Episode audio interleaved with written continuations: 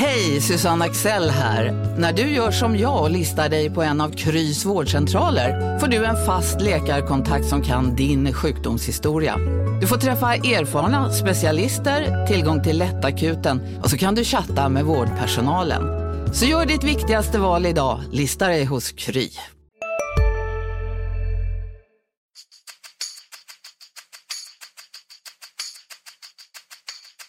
Det mycket, mycket snack om det här inhoppet. Det är svårt att förbereda sig. Va? Så att, det är mycket känslor som spelar över. När jag kommer hem ska vi fixa allt det där.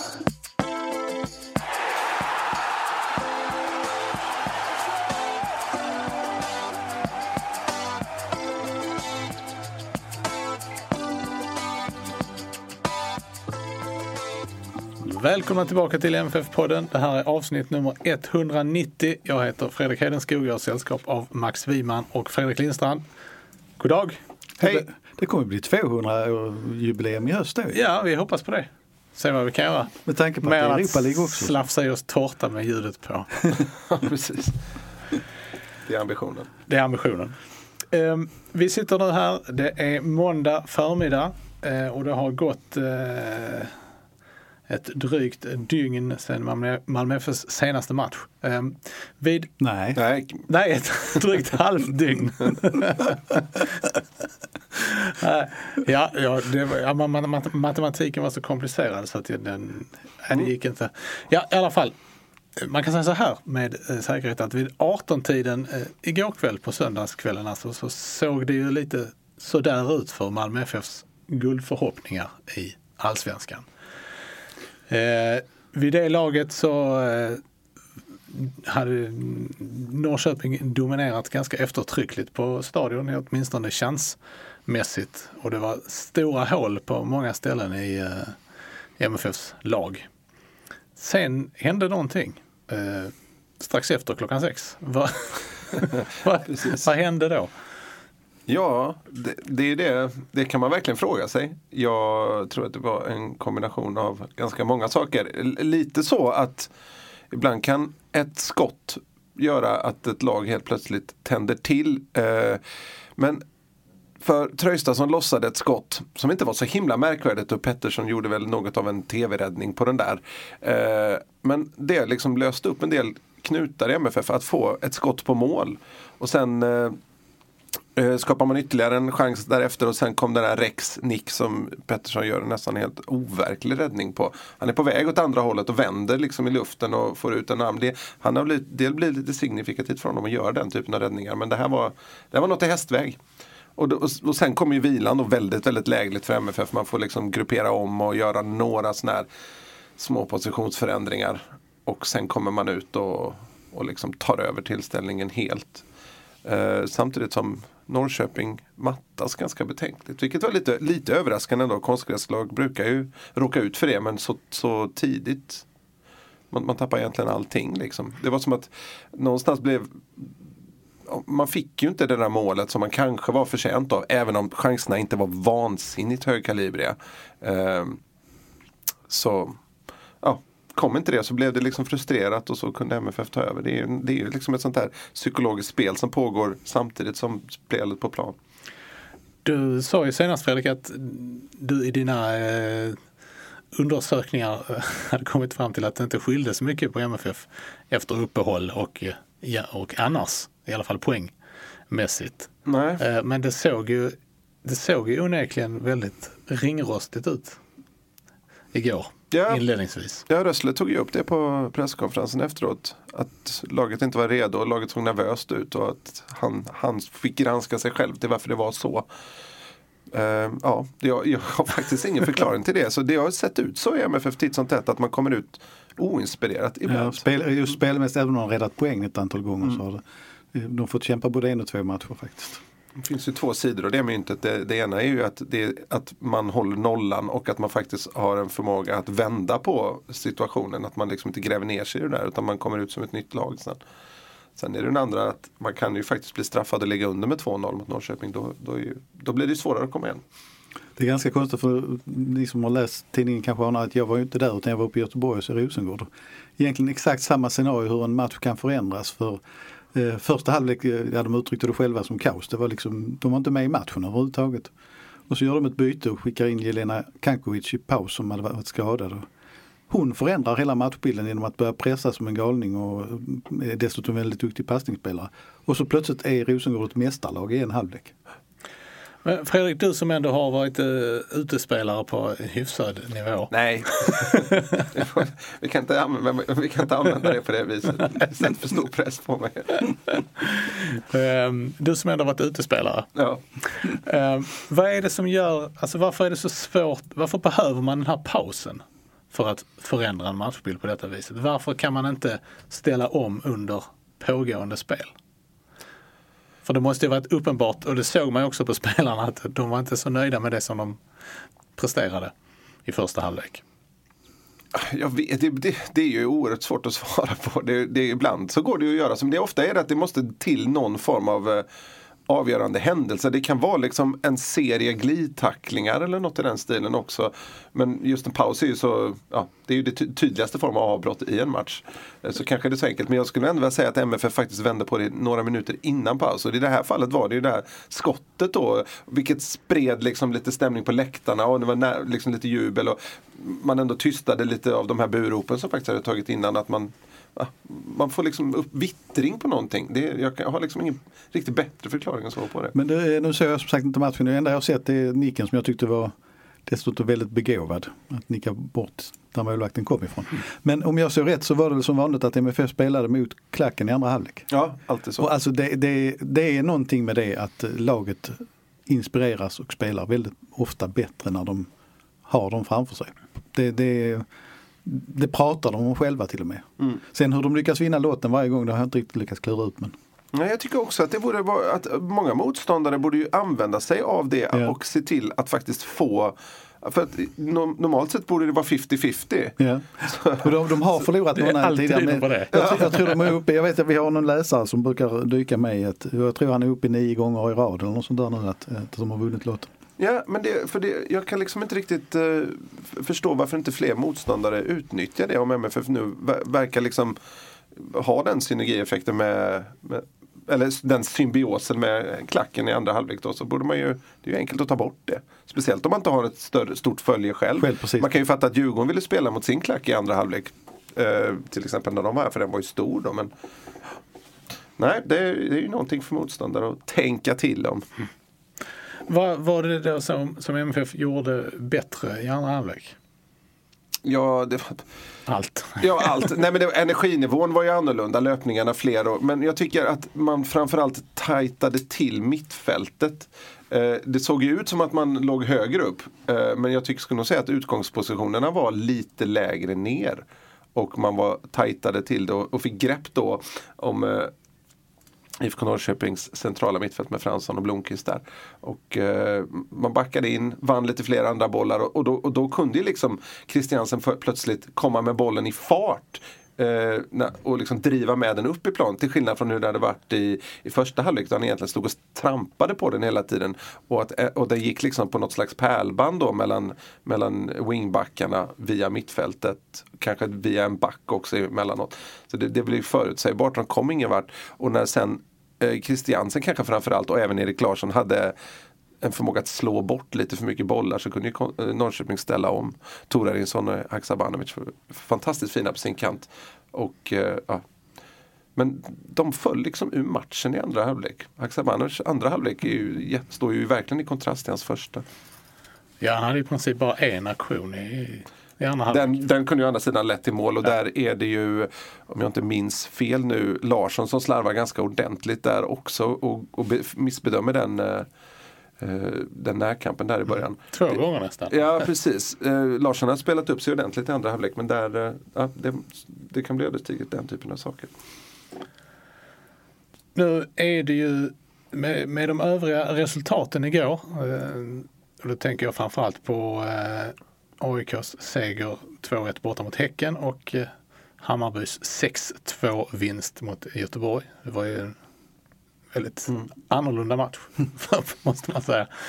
Eh, men då känns det ju rimligen som så att eh, åtminstone Norrköping och Göteborg är ju bortkopplade från, från toppstriden. Mm, det får man alltid säga. Det är så många poäng och speciellt eh, kan det bli några fler om Djurgården vinner ikväll mot Helsingborg då, vilket jag inte kan se sluta på något annat sätt den matchen. Och dessutom är det ju så att man har många lag emellan sig. Ja, Så det, är inte framförallt det. Häcken är väl nästan borta också. Det hade ju däremot varit väldigt intressant om Häcken hade klarat det oavgjort igår för då hade det väl varit helt jämnt skägg det. Mellan MFF, AIK och Djurgården. Och jag är inte lika övertygad om det här att Djurgården verkligen vinner ikväll. Det ska bli väldigt spännande att se eftersom det är Mellbergs första match. Och skulle kunna tänka mig att han är en sån person och en sån tränare ändå som kanske påverkar att det blir en sån där effekt som vi ibland pratar om. Jag tror det blir en hedersam förlust. och så kan man bygga vidare på det. Ja, Liksom. ja. Ja.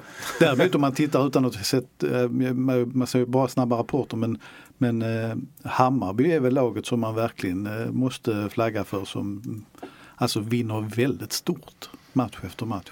Ja, nu gjorde de det ju faktiskt mot ett eh, Mot ett bra lag. hyfsat motstånd också. Ja, precis. Att Göteborg skulle tappa kändes ganska väntat i i höst. Nu är det lätt att säga det då, dagen efter förlust med facit i hand. Men eh, de har, de har ju tappat ganska tunga namn eh, under säsongen. Den senaste då, Sebastian Olsson, lagkaptenen och kanske det största utropstecknet i laget.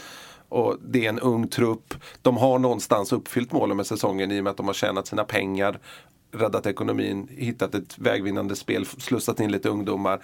Jag menar, slutar de sjua så är det, det är en jättebra säsong. Liksom. Så ja, de kommer droppa av. Det, det, det känns liksom. Men så stora siffror är det ju sällan det Ja, blir trots nej, att nej. det är liksom Nej, det är ju missvisande. Hammarby är ju bra och de har ju framför allt då det som talar för dem att de har bara konstgräsmatcher kvar. Så, um, De åkte sen- på ett par tidiga skador i den här matchen bara. Som kanske kan...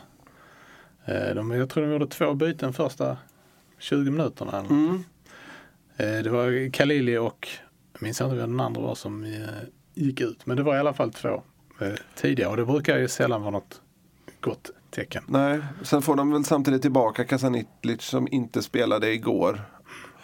Um, Djurdjic också är väl på gång tillbaka. Och, Ja. och Junior eh, också, viktig Ja. mittfältare. Tillbaka efter en korsbandsskada. Då. Ehm, nej, de, de, de ser giftiga ut. Det, det som talar emot är att de trots, och de har faktiskt också, eh, ska jag titta, titta på spelschemat här lite snabbt, om jag inte minns fel så har de eh, egentligen bara, alla, alla topplagen har de hemma också. Om, om vi bortser från Djurgården, men ja, det är ju hemma på något sätt för dem. Eh, om, vi, om vi tittar på lite noggrannare här på tabellen och restschemat. Ehm, så om, om det är så att Djurgården vinner mot Helsingborg så går de alltså upp på 50 poäng. Ehm, därefter följer i så fall AIK på 49, MFF på 47. Är det i så fall vid en Djurgårdsseger ikväll, är det de tre lagen som guldstriden handlar om eller är Hammarby också, de är, kommer ju trots allt att vara sex poäng efter Djurgården i så fall. Jag tror ändå de, är, de finns med på pappret i alla fall. Men när man tittar på spelschemat så är det ju så att ska Djurgården tappa så är det ikväll för sen har de tre riktigt lätta matcher. Eh, eh, så att eh, jag tror att om Djur- om Djurgården vinner idag så, så, så är det ett litet guldryck faktiskt ändå. Att, att det, eh, De, Jag tror att det de sätter får- oerhörd press ja, på, det, på efter HF har de alltså Sundsvall borta, Falkenberg hemma och Östersund borta. Ja, Jag tror att de får större problem mot. Sund, Sundsvall borta än vad de får mot HF ikväll.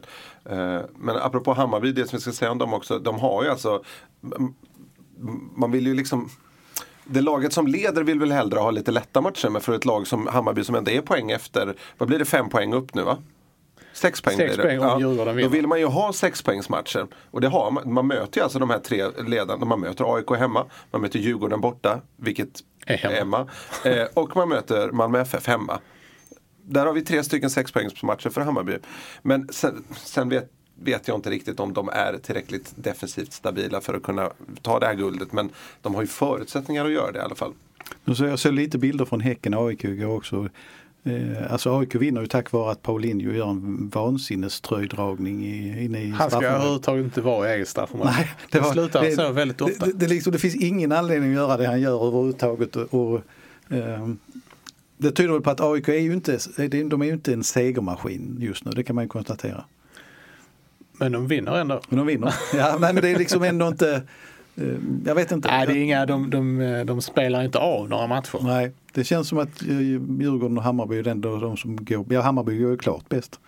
Malmö är ju mer osäkert Eh, Eftersom det är lite varannandagsform över laget faktiskt i Allsvenskan fortfarande. Mm. Och det, vi har ju fortfarande inte sett effekterna av eh, av vad Europahösten kommer innebära för lagets spel. Vi såg ju vad kvalet betydde för den allsvenska spelet. Det var ju inget som kanske gladde så mycket. Nej. Jag, jag tror att det blir tvärtom nu. Alltså, om de bara, om de, naturligtvis, det som kan hända är ju att de börjar förlora i Europa League. Då kan det ju vara tufft. Men annars tror jag att rytmen blir bättre nu eftersom det, vi har pratat om det tidigare att det är längre uppehåll. Ja. Eh, Och, och, eh, eh, Malmö mår normalt sett bra av lite tätare matchande. har ju en bred trupp, kan lufta spelare och faktiskt kanske få, i, liksom, få någon slags positiv effekt av det att fler är redo liksom, och få lite, få lite minuter här och var. Hur det nu blir. Det är ju värt att notera förresten igår att Erdal Rakip inte ens är med på bänken utan nu är man förpassad till läktaren. Sen, nu vet jag inte hur stämningen var igår men det är ju också så att många av de här rutinerade spelarna de brukar ju trivas på hösten när det liksom börjar bli avgörande matcher och så vidare. Jag noterade bara att det var 19 000 sålda biljetter men bara 16 000 kom. Vilket återigen innebär att 3 000 årskort inte masar sig dit. Och I de här matcherna börjar jag tycka det är riktigt konstigt. Det Faktiskt. var ganska svalt överlag, även mediamässigt. Inte mycket folk på plats. Okej, vi hade AIK och Häcken i samma omgång, men herregud, MFF Norrköping är ju ändå ett toppmöte nu och två jäkligt intressanta lag i intressanta skeden av sina säsonger. Liksom. Men Häcken, AIK och sen så Hammarby uppe i Stockholm. Det, ja, det var nog många medier som tyckte att ja, det, det, Det blir enklare förstås, men det kändes liksom, menar, Aftonbladet som vi har kunnat se de senaste veckorna älskar Malmö mer än någon annan tidning här nere. Lite överraskande, det trodde man inte, men det gör de. Eh, hade bara en person på plats. Ja, där ser man. Extra mycket kärlek. Ja, precis.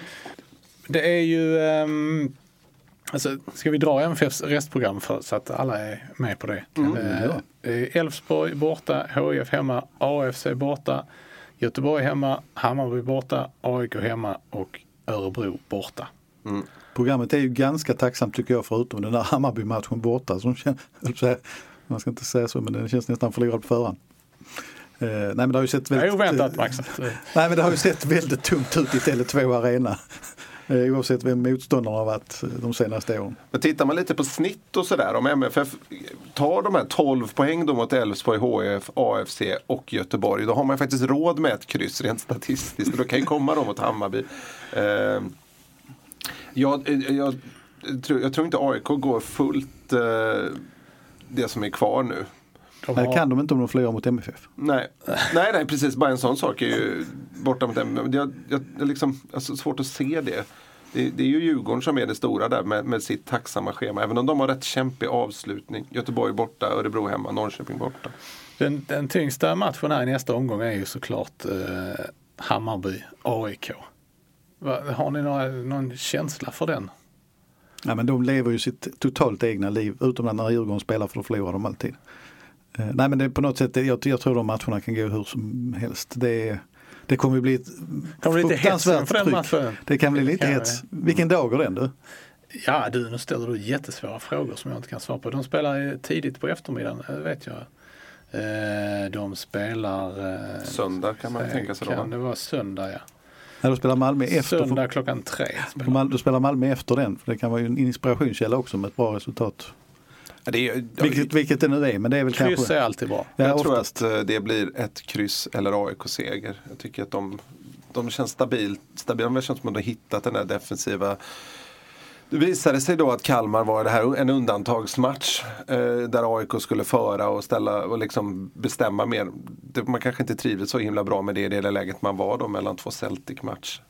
Eh, nu har man ju sett väldigt orga, välorganiserat ut och det, jag tror inte Hammarby riktigt trivs med det. Hammarby måste ju faktiskt också vinna matcherna.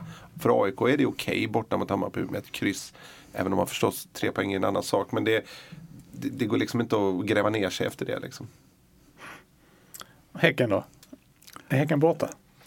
Ja, Nej, men jag, egentligen så skulle jag nog säga det. Jag tycker det är liksom Som guldkandidat? Ja, Ja, hade jag de haft. Jeremejeff kvar i laget så kanske jag hade tyckt något annorlunda. Men det känns som att de orkar inte riktigt hänga på där. Andreas Alm är ju faktiskt en rätt klok människa. Han, han sa när vi pratade på allsvenska upptaktsträffen att han räknade inte in laget som guldkandidat eftersom man aldrig vann mot topplagen.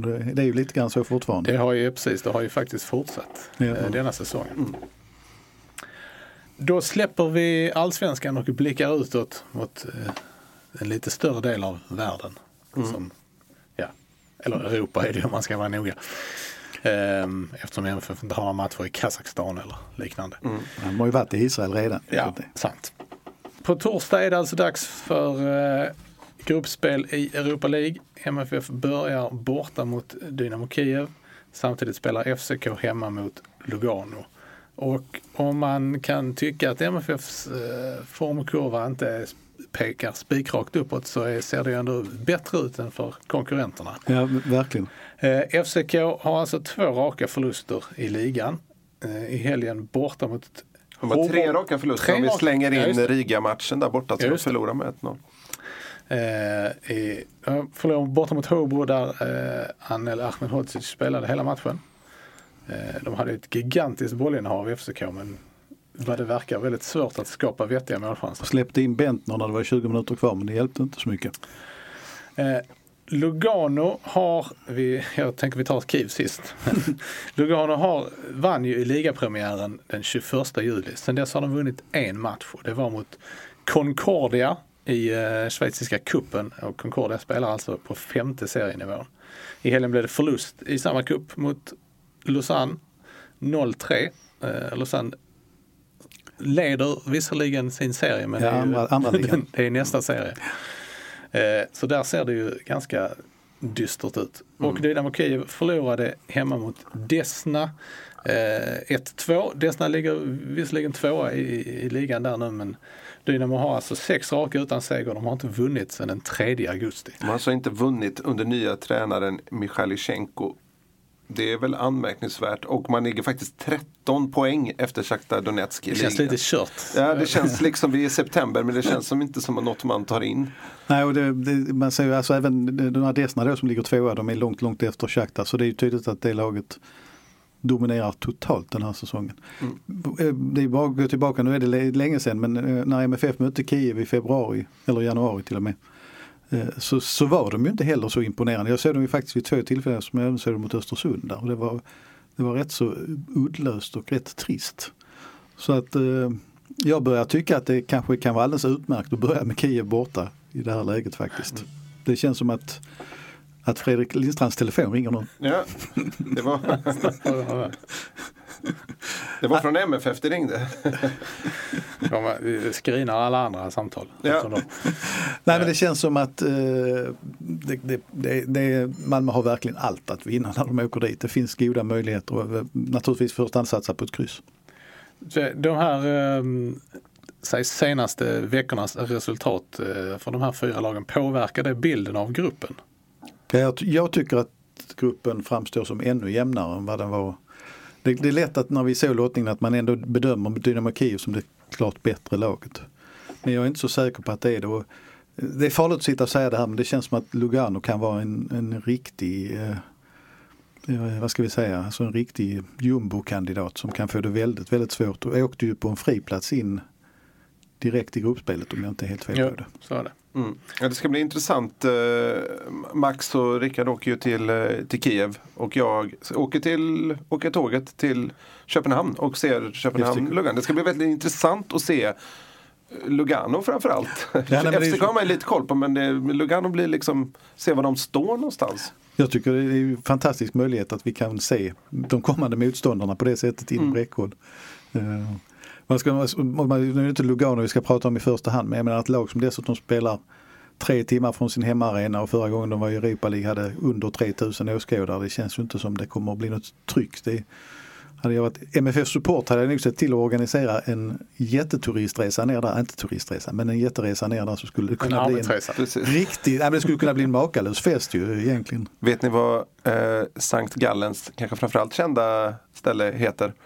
Eh, en privatskola som är klassad som en av världens allra främsta som heter, lustigt nog, Institut von dem Rosenberg. Bara en sån sak. Där har vi någonting att hänga upp framtida krönikor på. Studiebesök där. Ja, Ja. Jag tror också att skydd- skyddshelgonet för staden heter Sankt Gall. Alltså, bara en sån Det sak. är inte klokt. Ja, Ja. eh, men Dynamo Kiev. ja. Ja, vad har de för skyddshelgon? De skulle verkligen behöva ett just nu. En gång i tiden var det väl ryska armén. Ja, precis. Eh, vi kan ju faktiskt börja med, om vi ska fortsätta på de historiska konnotationerna, så är det ju den 19 september är eh, ett väl, som ju matchen spelas, det datumet. Speciellt datum i Kievs historia. Eh, 1941 19 december så föll eh, staden i eh, nazisternas... September eller december? September, förlåt. Eh, Föll, föll staden i nazisternas händer. Eh, ett litet sidospår. Eh, det, det är ganska svårt att säga någonting om, om Dynamo Kiev just nu eftersom de bara har gjort fyra matcher under sin nya tränare. Men det är, han, altern, han har ju alternerat mellan 4-2-3-1 och 4-3-3 under de här eh, matcherna. Och det är ett de ganska fysiskt lag, ett ungt lag, medelålder på 25,2 jämfört med MFFs 29,1. Eh, I, I lägena lagen befinner sig just nu då MFF försiktigt på uppgång får vi väl säga. Och Dynamo Kiev kämpande så skulle man vill, föredrar man ju faktiskt en rutinerad trupp. Skulle jag i alla fall. Det är liksom kanske lättare att vända sådana med rutinerade spelare än vad det är med, med unga spelare. Eh, Mohamed Kadiri från Austria Wien defensiv mittfältare, sommarförvärv, är väl liksom en, en sån spelare som har lyfts fram under Michailichenko då som tog över här efter att laget rök mot Club Brygge i Champions League playoff. Eh, även, sen har vi en nyförvärv där så också i somras då, Gerson Rodriguez som hämtades in från japanska ligan. Men han är holländ, port, portugis-holländare eller något i den stilen. Eh, inledde på bänken senast. Så de verkar kämpa rätt mycket med sin formation och sin uppställning hur de ska liksom ta sig ur den här svackan. Men jag tror också att om man tittar på det stora perspektivet så, så de här länderna, de här stora lagen brukar ju vara väldigt starka finansiärer bakom sig. Så därför tror jag inte att Europa League i det här läget kanske blir prio ett för dem utan det här handlar om att försöka renovera så att man är med i Europa nästa år. Eh, alltså man har halkat efter så långt i ligan så att man för första gången väl på många, många år liksom, eh, är det inte självklart. Eh, Okej, okay, nu är vi bara i september månad men, men jag får ju en känsla och det är bara, bara en ren gissning att deras första fokus måste ju vara att få ordning på ligaspelet. Mm. Men Dynamo Kiev har ju varit på, liksom, det, är svår, det är svårt att säga att de, att de inte hävdar sig längre. De var ändå i åttondelsfinal mot Chelsea här eh, i Europa League eh, i, eh, i våras. Liksom. Men de, tittar man i ett längre perspektiv på deras prestationer egentligen i både liga och, och i Europa och för den delen på, på transfermarknaden också så har de ju varit på stadig nedgång de senaste Vi är specialister på det vi gör, precis som du.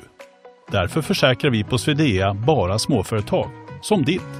För oss är små företag alltid större än stora och vår företagsförsäkring anpassar sig helt efter firmans förutsättningar.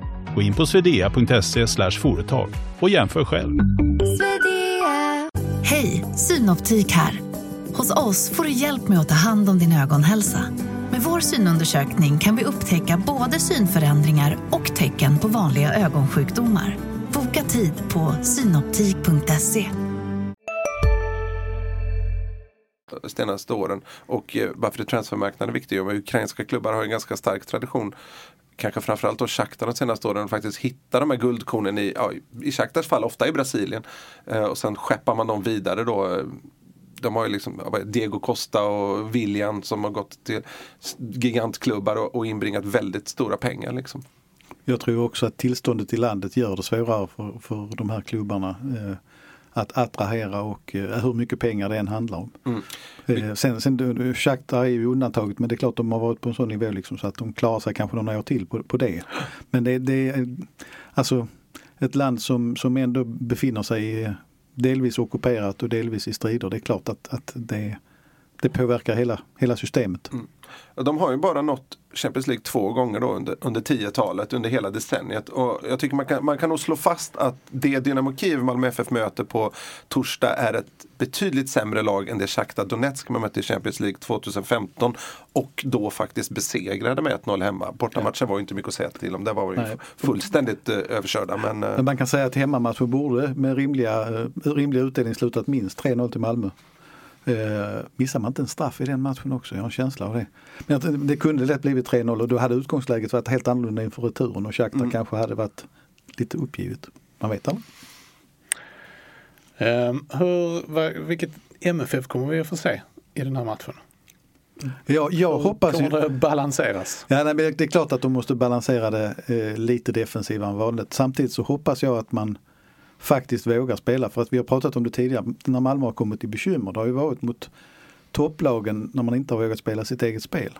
Och jag tycker att besiktas matchen borta skulle kunna vara en bra förebild där man faktiskt vågade, bortsett från en väldigt skakig start, eh, sen spela matchen Mm.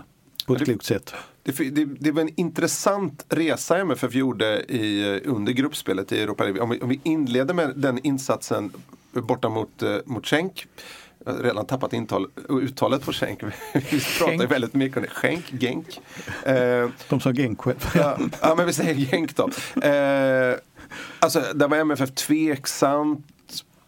Jag ska inte säga fegt var man väl inte, men man visste inte riktigt vad man... Det kändes inte riktigt som man trodde på att man hade en plan för att ta sig an den matchen utan man försökte hoppas på att hålla, hålla ställningarna så länge som det gick. Och så, och så liksom vända på det och när man reser ner till Istanbul då och möter Besiktas och verkligen har en tydlig plan och en tro. Och också en desperation eftersom man faktiskt måste vinna matchen för att gå vidare. Det var liksom som att MFF gillade det på något sätt. Vi måste fram här idag. Man ägde den matchen i rätt, till rätt stora Mm. delar faktiskt. Alltså det, var, det var ganska imponerande. Och det, det är det jag tycker har varit problemet i allsvenskan eh, till viss del. Som sagt att man inte har vågat. Sen finns det ju en annan bild och det är mot eh, de här matcherna framförallt mot Domsale i sommar där, där man helt tappat initiativet. Framförallt bortamatchen då. Eh, Och då har man ju sett lite skakig ut. Eh, Men vi får väl se vilket, vilket spel Kiev visar upp. Mm. Ja, det, det blir ju en spännande, liksom, ett litet kvitto på om Malmö FF har tagit de här ytterligare kliv i Europa. Man vill ju göra det hela tiden. Då ska man ju faktiskt kunna hävda sig i en sån här match på ett annat sätt än vad man kanske har gjort i den här typen av matcher tidigare. Sen man spelar ju inte utan press i Europa men pressen är ju mindre om man börjar med, mot Kiev borta än om man hade börjat mot Lugano hemma. Mm. Det är ju ingen tvekan om det. Men vilka, vad är det för uppställning som... Ja, Den är ju lurig. Så är att eh, Lewicki vilade igår och Nielsen vilade igår. Eh, jag tror att han kommer att balansera mer defensivt. Jag funderade på vägen hit. Frågan är om inte Nielsen spelar där bak då. Eh, och kanske en av Erik Larsson får spela på kant, Berget vila. Mm, jag Eh, tror inte, tror inte han spelar berget Nej. igen. Det känns som att antingen Knutsen eller Larsson där. Eller Knutsen går Nej, inte, ut, går inte ut på högerkanten förstås. Nej det är väl Nej, Larsson som är Ja. mest sannolikt. Eller Be- Bejmo är möjligt. mm, det Men skulle det kunna... t- tror jag inte heller riktigt. Nej, snarare Larsson orkar ju det. Han har ju bra flott. Så Larsson upp till höger och eh, Nielsen in. Och sen är det väl Lewicki på mittfältet. Eh, Istället för Traustason. Traustason på Modin ja. Ja, för Traustason kommer från dubbla eh, landskamper med Island och eh, haltade igår. Ingen skada men ja, tufft Nej, matchande. känns- det Det känns kändes ju också eh, som att Lewicki saknades i första halvlek. Ja, det var ju ingen balans i mittfältet överhuvudtaget. MFF kan ju absolut inte unna sig den typen av, eh, av, av liksom, den, den typen av halvlekar mot Dynamo Kiev. Eh, Blir det, är det Rosenberg och Antonsson fortsatt? Ja det är väl nästan cementerat Mm. säga. Det, det, Ja. Där finns inte Alltså Antonsson levererade ändå så mycket i Europa i fjol så att man man vet hans snabbhet och löpvilja kan ju vara ovärderlig där. Om inte de skulle välja att spela Rosenberg som ensam forward men jag tror inte det. Nej, det känns som inte som att det blir så stora förändringar där. Men det är, Antonsson kan nog behöva liksom vara pigg på löpningar och det, det kommer nog komma en del bollar ut mot, mot liksom bakom ytterbackarna i, eh, i Kiev. Där, där det blir mycket spring. Så är det. Vi återkommer med eh, rapporter från Kiev i Max fall och från eh, Köpenhamn i Fredriks fall i de här ärendena. Kommer också komma ett studiostadion på sydsvenskan.se här eh, under tisdagen gissar jag. Ja, Ja, planen är att samtala med Mr Europa League, Fouad Bachirou. Gör sitt tredje raka Europa League-gruppspel. Det har blivit slutspel de två tidigare. Ja. Eller utslagsfas kanske man ska säga. Det här gruppspelet är ju också ett form av slutspel. Då vänder vi eh, blicken inåt igen och eh, jag tänker att vi ska prata om den eh, föreslagna sammanslagningen eh, mellan Malmö FF och LB07. Och då undrar jag först Max, varför är det så bråttom? Ja, det kan man ju undra över. Ja. Det har gått så långsamt innan. Jag tror att det finns ett, eh, ett lite speciellt svar på det som jag inte har testat ännu men, men som faktiskt inte alls har med damlag att göra. Premiär i podden. Ja.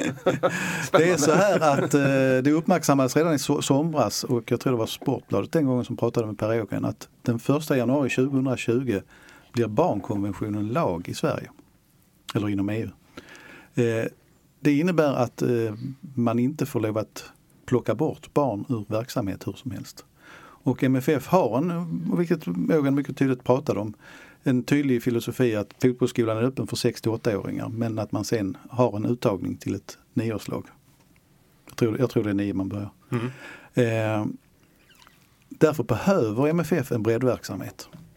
För att inte komma i trångmål framöver. Det är inte så att lagstiftarna skulle kasta sig över några klubbar direkt. Men, eh, det här tror jag är en, en, en effekt som inte är en oväsentlig del kanske i det hela. För med eh, LB07 inkorporerat så får man plötsligt långt fler ungdomslag och kan placera många fler ungdomar. Det skulle kunna vara en anledning. Eh, sen finns det ju andra mer eh, logiska om vi pratar runt damverksamheten. Eh, långsamt har MFF vaknat men det har ju tagit tid och insett vad som sker runt om i Europa och världen. Eh, och eh, sponsorer har säkerligen, eller har tryckt på för att mm, i många företags villkor står det att man ska sponsra jäm, jämställt och det är lite svårt när man sponsrar ett lag eller en klubb som bara har herrar. Eh, så det finns ju flera där. Sen finns det då den tredje punkten och där tror jag pratade ganska mycket med Daniel Andersson att eh, MFF söker ju vägar att försöka eh, kunna ta hand om spelare som blir 19 år eh, och uppnår senioråldern vid 20 på ett bättre sätt. Och, alltså, idag är det ju utlåningar som, som gäller i princip. Och skulle man kunna skapa ett lag i närområdet som man så att säga styr över som ett, som ett andra lag nästan. Så är det klart att det skulle kunna finnas fördelar i det. Så det är väl tre huvudkomponenter som skulle kunna påverka hela det här resonemanget. Men det skulle ju, eh, LB07s herrlag är ju nu leder division 3 men det känns ju som att man skulle behöva ha upp ett sånt lag i division Ett, 1 för att det skulle Ja. vara, vara någon vits. Men man inser väl kanske då att man måste hitta, eller man, det, det får ta den tiden där så att säga. Jag misstänker att det är, det är eller det, jag vet ju att det är ett mål att, att få upp dem. Om allting nu blir, och då kan man säga rent teknikalitetsmässigt så är det väl så att det är väl det, kanske det enda lag som ändå måste heta LB07 även i framtiden eftersom det, Malmö FF får inte ha två här seniorlag. Eh, innan vi, eh, vi ska strax gå över på frågan om, om eh, representationslaget på damsidan. Men jag vill först bara fråga om liksom, eh, logistiken i en sån här eh, i detta förslaget. Alltså LB07 är ju inte det är inte vilken förening som helst. Nej. De har alltså i höst 43 lag i seriespel. Eh, att jämföra med MFF 16. Nej, Det är alltså, det är ju en, det är en stor... Det, det, vi pratade faktiskt om det, det är inte första gången i MFF-historien, det finns ett par tidigare. Jag kan väl nämna de här nu. Jag vet inte om ni kommer ihåg att MFF skrev ett stort avtal med IMG för ett antal år sedan som inte blev så mycket av. Och sen hade man ett stort avtal på gång med Ericsson. Som också, när man lämnade presskonferensen så hade man nästan fler frågor med sig än svar. Eh, riktigt så illa kanske det inte var denna gången men jag tycker det finns väldigt många frågor kring detta Eh, som inte är besvarade, hur hur man rent praktiskt. Samtidigt så hör jag ju att man, det har varit väldigt många möten och väldigt mycket diskussioner så det är möjligt att de är längre fram än vad man tror. Men eh, jag har ju känslan av att eh, det finns väldigt, väldigt mycket att fundera över eh, för att detta överhuvudtaget ska gå i lås. Jag pratade med Malin Levenstad igår uppe i Göteborg. Hon, hon, sa det, hon sa det rätt klokt i en enkel mening. Hon var inte alls övertygad om att sista ordet var sagt i den här historien. Framförallt tror jag det handlar naturligtvis om att medlemsomröstningarna, vad medlemmarna säger. Men, men jag tror det, det kan finnas många saker på denna korta tid som kan, som kan hänga upp sig. Det var ju... Vad händer med FC Rosengårds MFF-titlar? Om MFF startar ett damlag? Den, den, den, är, ja, den är väldigt intressant och jag kan nog eh, utan att någon sa det formellt av de här tjejerna som faktiskt har kopplingar till MFF i Rosengård. Eh, Att skulle MFF på något sätt försöka inkorporera de titlarna så skulle det inte uppskattas om vi uttrycker det milt. Ja. Eh, Stjärnor på bröstet och sånt här. Eh, det är, det är, efter den här presskonferensen så drog det ju igång en kritikstorm ganska snabbt i sociala medier. Är det här, är den kritiken, är det, handlar det bara om... Det har det har dock inte riktats någon officiell kritik från något håll. Nej, jag- MFF. Support har varit försiktiga i sina uttalanden. Ja. Men den här, tolkar ni den här kritiken bara som en principfråga eller är det, ligger det annat bakom? Alltså att man inte ska så att säga köpa sig en plats i, Jag, i damallsvenskan. jag skulle nog tro att det är nästan uteslutande en eh, principfråga. För eh, när det väl börjar ett damlag så tror jag inte så många utav dem som är väldigt vokala ens kommer gå och titta. Eh, det brukar ju vara så. Eh, men ja, som sagt, principfråga. Vilket ju inte på något sätt är oviktigt bara för den sakens skull. Nej, alltså, den frågan är ju jätteväsentlig. Jag tror som du, jag tror att många av dem som är högljuddast nu eh, är inte intresserade överhuvudtaget. I några fall vet jag att det är så. Eh, de, alltså jag tycker det, det är så jag tycker det här är en väldigt svår fråga. Jag tycker det finns verkligen inte ett givet ja eller nej på det. det får väl lite utvisa nu vad som händer under hösten. Men jag tycker att de som är mest högljudda nu ska rannsaka sig själva och tänka tillbaka om de nu är tillräckligt gamla för att ha varit med. 2004 när MFF Dam bildade en egen förening. 2007 när man försvann helt från Malmö FF. Om det var med armbågen som man bjöds in att vara kvar eller man sparkades ut. Det kan, behöver vi inte diskutera egentligen för det spelar ingen roll. Eh, medlemmarna har under hela den tiden haft möjlighet att försöka påverka klubben att faktiskt ha en damverksamhet eller en flickverksamhet. Eh, hade jag varit medlem så hade jag väl kanske redan 2007 åtminstone reagerat så och sagt då måste vi starta om med en ny flickverksamhet och börja från grunden. Det gick väldigt många år innan det överhuvudtaget kom några motioner och 2016 kom det då till slut en som, som det inte har blivit mycket av. Det, är liksom, det har inte höjts många röster då. Eh, så att eh, jag tycker faktiskt att medlemmarna får rannsaka sig själva också. För att Malmö har hamnat i en situation där man till viss del nästan pressas att göra någonting. Eftersom utvecklingen är som den är runt om. Jag har svårt att liksom recensera folks reaktioner på något sätt. I grund och botten så handlar ju reaktionen om den kärleken man har till sin klubb och hur den tar sig uttryck och vad, hur man vill att ens klubb ska vara. Och där finns det ju inte något rätt eller fel egentligen. Eh, det, det är liksom, jag, kan ju förstå att det finns AFC-liknande saker i detta även om jag tycker att skillnaden fortfarande är, väldigt, väldigt, skillnaderna är mycket större än vad likheterna är så att säga. Men eh, att, att, att MFF någonstans har blivit någon slags eh, jättegluff då som bara käkar upp eh, en lokal klubb.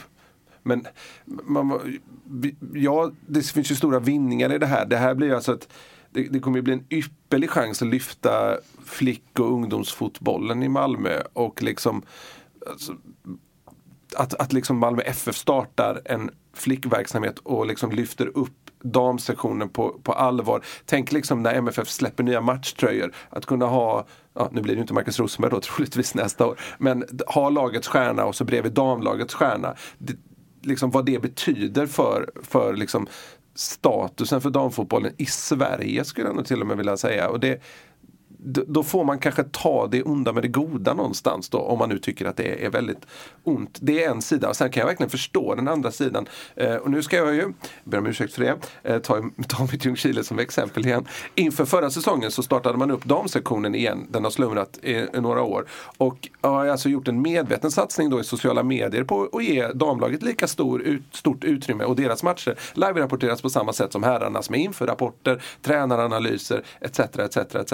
Det har gett ett rätt coolt drag kring fotbollen. De krossade motståndet senaste säsong och vann eh, och plockade hem en, ännu en seger eh, nu eh, här i helgen faktiskt och har börjat göra en sån här resa då, Åshöjden-resa som herrarna gjorde på 90-talet när de gick upp i Allsvenskan.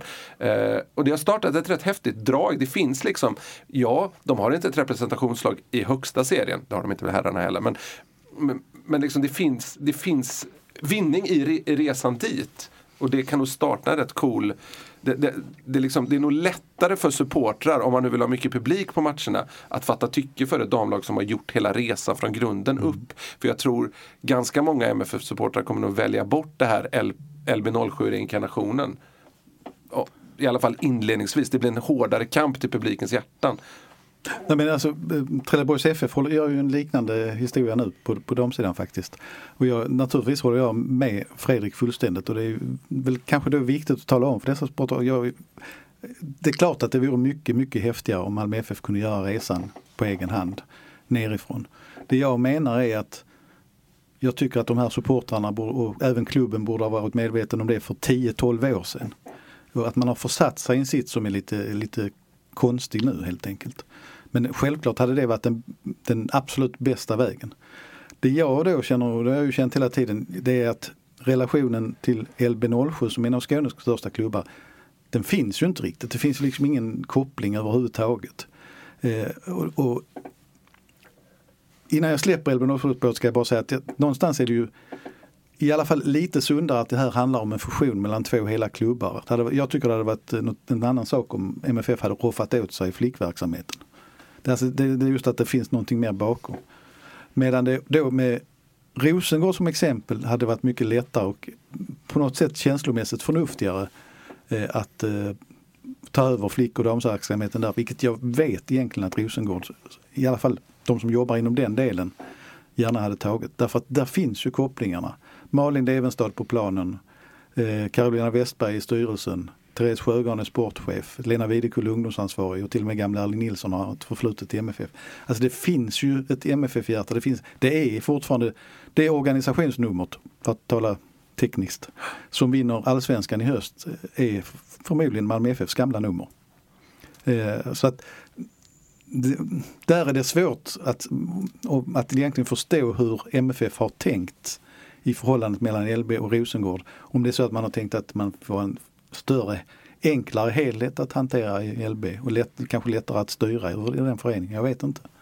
Det blir också spännande att se. Jag har ju någonstans känsla av att om det här förslaget röstas igenom att det är liksom lite början på, ah, ska man kanske inte säga slutet, men början på en, det är ju, det är ju kommer ju markera slutet på FC Rosengårds storhetstid också. Jag har svårt att se att de ska kunna hävda sig eh, i, i stan.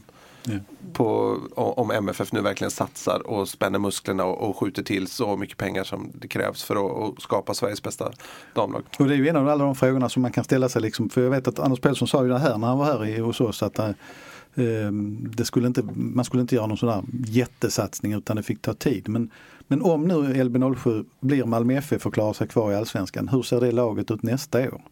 Eh, för ska man få de här effekterna som, Fredrik pratar om, att sälja tröjor och så vidare. Ja, det, problemet är ju att de spelarna finns ju i Rosengård. Mm. Det är ju, det, det, är där, där får jag inte riktigt ihop den, den delen av det. Eh, De frontar upp några miljoner och köper Bennison liksom. Och. Ja, men då, då blir det ju också en väldigt konstig situation i, i stan. Framförallt Rosengård skulle vinna och gå till Champions League. Ja. För då, då, det är ju nästan en större kannibalisering än, det att gå ihop med två klubbar kan jag tycka. Men vad tror ni om, vad kommer årsmötena att säga om detta då? Det är ju omöjligt så här. Så, eh, LB07 är en jättestor förening. Eh, där kan bli liv där ute också därför att det var när Du Limhamn... som har öran mot, örat mot eh, jag, Limhamnsmarken. inte, jag har inte hunnit så mycket men eh, om man backar tillbaka till 2007 när LB07 bildades av Limhamn och Bunkeflo så var det ju enorma strider mellan de föreningarna. Så det är klart att det kan komma att finnas viljor där också som säger nej. Eh, vad man känner i bakgrunden är ju att ekonomin, oavsett vad de själva säger, är ju så pass ansträngd så att de måste göra någonting. Det är ju uppenbart så. Eh, vad det gäller MFF så brukar det ju bli så att de gamla trogna medlemmarna alltid sluter upp bakom styrelsens förslag Mm. Ja, i slutändan. Och det är då oftast de som kommer på mötena. Men det är klart att eh, Malmö FF har oerhört många medlemmar idag och många av dem finns till exempel på norra, norra läktaren, norra stå. Eh, och eh, det är klart, alltså ett årsmöte i svensk idrott går ju att påverka om man gör stora ansträngningar. Sen, sen kan det ju hända saker på vägen som gör att man aldrig inte ens kommer fram till förslaget. Det var tyvärr så här att det var medlemsmöten i fredags. Eh, eh Nu vet jag inte hur det var med LB07 men MFF valde att stänga sitt eh, för media. Vi kunde få prata med Niklas Carlén efteråt men det kändes liksom inte riktigt eh, rätt. Det, det är ju intressant att höra fler röster än, än Twitter-gänget. Ska man bara försöka sammanfatta någonstans, alltså ändå så är det så här att det är ju otroligt viktigt att Malmö FF får igång flick och damverksamhet. Det, det är liksom, det är ju sen får vi ju se vilka former det blir och formerna kommer oavsett vilket att förmodligen att sätta sig så småningom. Men, men de som fortfarande inte förstår hur viktigt det är, det, det, det, det, jag kan inte riktigt få in det i skallen. Vi återkommer till detta vad det lider. Eh, säkerligen eh, om en inte alltför avlägsen framtid.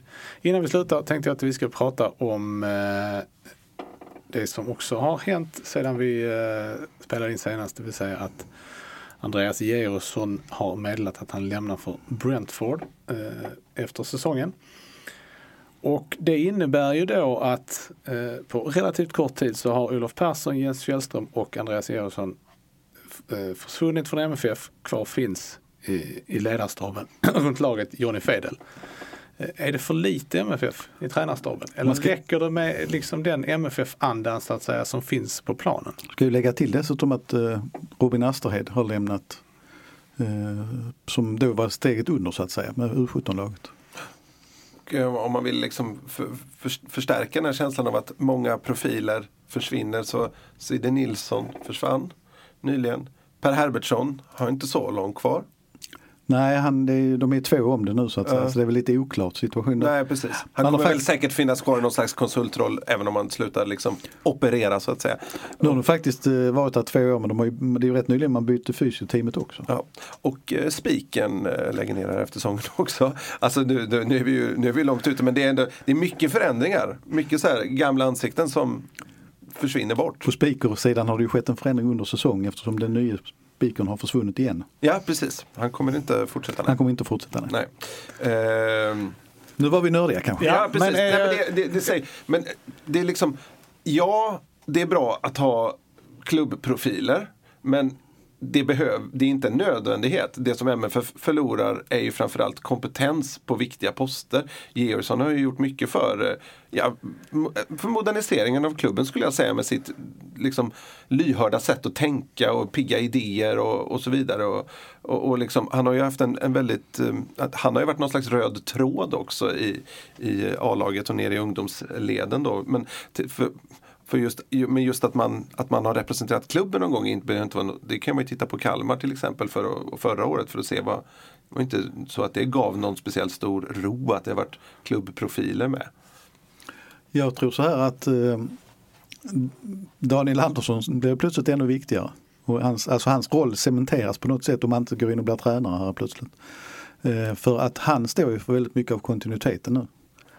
Eh, och sen tror jag att eh, problemet, om det nu blir ett problem, men uppstår ju när Ove Rössler tar sin hatt och går någon annanstans. För då tar han ju garanterat Rob Kelly med sig. Eller om MFF liksom väljer att inte fortsätta. Och det är ju då det plötsligt blir en, en eh, ganska stor brist på kontinuitet runt A-laget.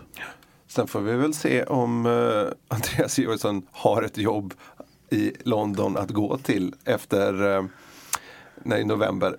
Ja, om Brentford ska fortsätta, fortsätta och, och förlora så som de gör i ligan. Nej, det var ju lite skämt, det tror jag inte. Men det, man, man vet aldrig vad som kan hända. Jag tror han skrev på fyra, treårskontrakt åtminstone där borta. Tre år var det. Han får nog fortsätta oavsett hur det går. Men det, man, ska nog, man ska nog vara varsam också om Brentford fortsätter förlora. Så här, att det kan vara, det kan vara ett nytt, ett nytt tränarteam han kommer till där i London. Då kanske det kommer hem en mittback fortare än man anar. Eh, men är det, tror ni att det, alltså den, den, eh, den höga andelen återvändare som ändå fortfarande finns i truppen, spelar det in på något sätt i det här? Tror ni? Att man känner att man ändå har att man har- har kontinuiteten på planen så att Ja säga. men där finns ju ungdomsleden också. Osmanowski, Jeffrey Aubin. Jeffrey Aubin är inte Malmöfostrad på något sätt men han har ju varit i föreningen väldigt varit länge. nu. länge, det, ja. det blir ju Ja, ja. tio år när han har varit där nu. Så, alltså, och det, och på finns- andra poster också. Ja, ja, ja, ja.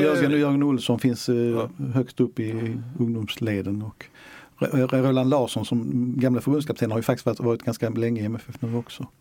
Ja, nej, där på den nivån. Där Det finns, finns, ju jättemånga. nej. Det är ju Palmer och Tommy Hansson och, och sådär. Så det är ju liksom inga... Ja, de är ju ute i skolorna mer. Ja, jo, men de är ju i organisationen menar jag. Um, så där, Nej, men det jag, är ju- tänker mest, jag tänker A-laget. Ska vi, ska vi slänga ut en brandfackla direkt så kanske det är så att man måste engagera Markus Rosenberg runt laget på något sätt nästa år. I vilken roll vet jag inte men Ja, jag trodde, jag tagit för givet att han skulle bli eh, Anfallare eller? här, förbindelselänk mellan eh, Malmö FF och Malmö stad. Det är det han brukar. Biträdande sportchef kanske? Ja. Logistikchef, planering och stadionchef kanske. Det. Det, du slår ut spiken när vi pratar för att stadionchefen har nämligen också slutat. Så att eh, det, det ska ny chef in där också. Ja. Han, han, eh, han driver redan en idrottsanläggning. Så det är bara ta in till. Ja. Ehm, har ni några slutord? Eller er Eh, nöjda? Nu står Fouad och väntar på oss nere på stadion. så vi Ja, måste nej, men gå. då får, ni, då får ni gå. Visst, visst. Jag bryr mig inte. Du ska klippa detta. Ja, Lycka jo, till med det. Precis. Eh, Det här har varit avsnitt nummer 190 av MFF-podden. Jag heter Fredrik Hedenskog. Jag har haft sällskap av Max Wiman och Fredrik Lindstrand. Nu glömde jag säga att vi anser att konstgräs ska förbjudas i svensk elitfotboll. Så jag säger det nu istället. Ansvarig utgivare är Pia Renqvist. Tack för oss. hej, hej. Hej.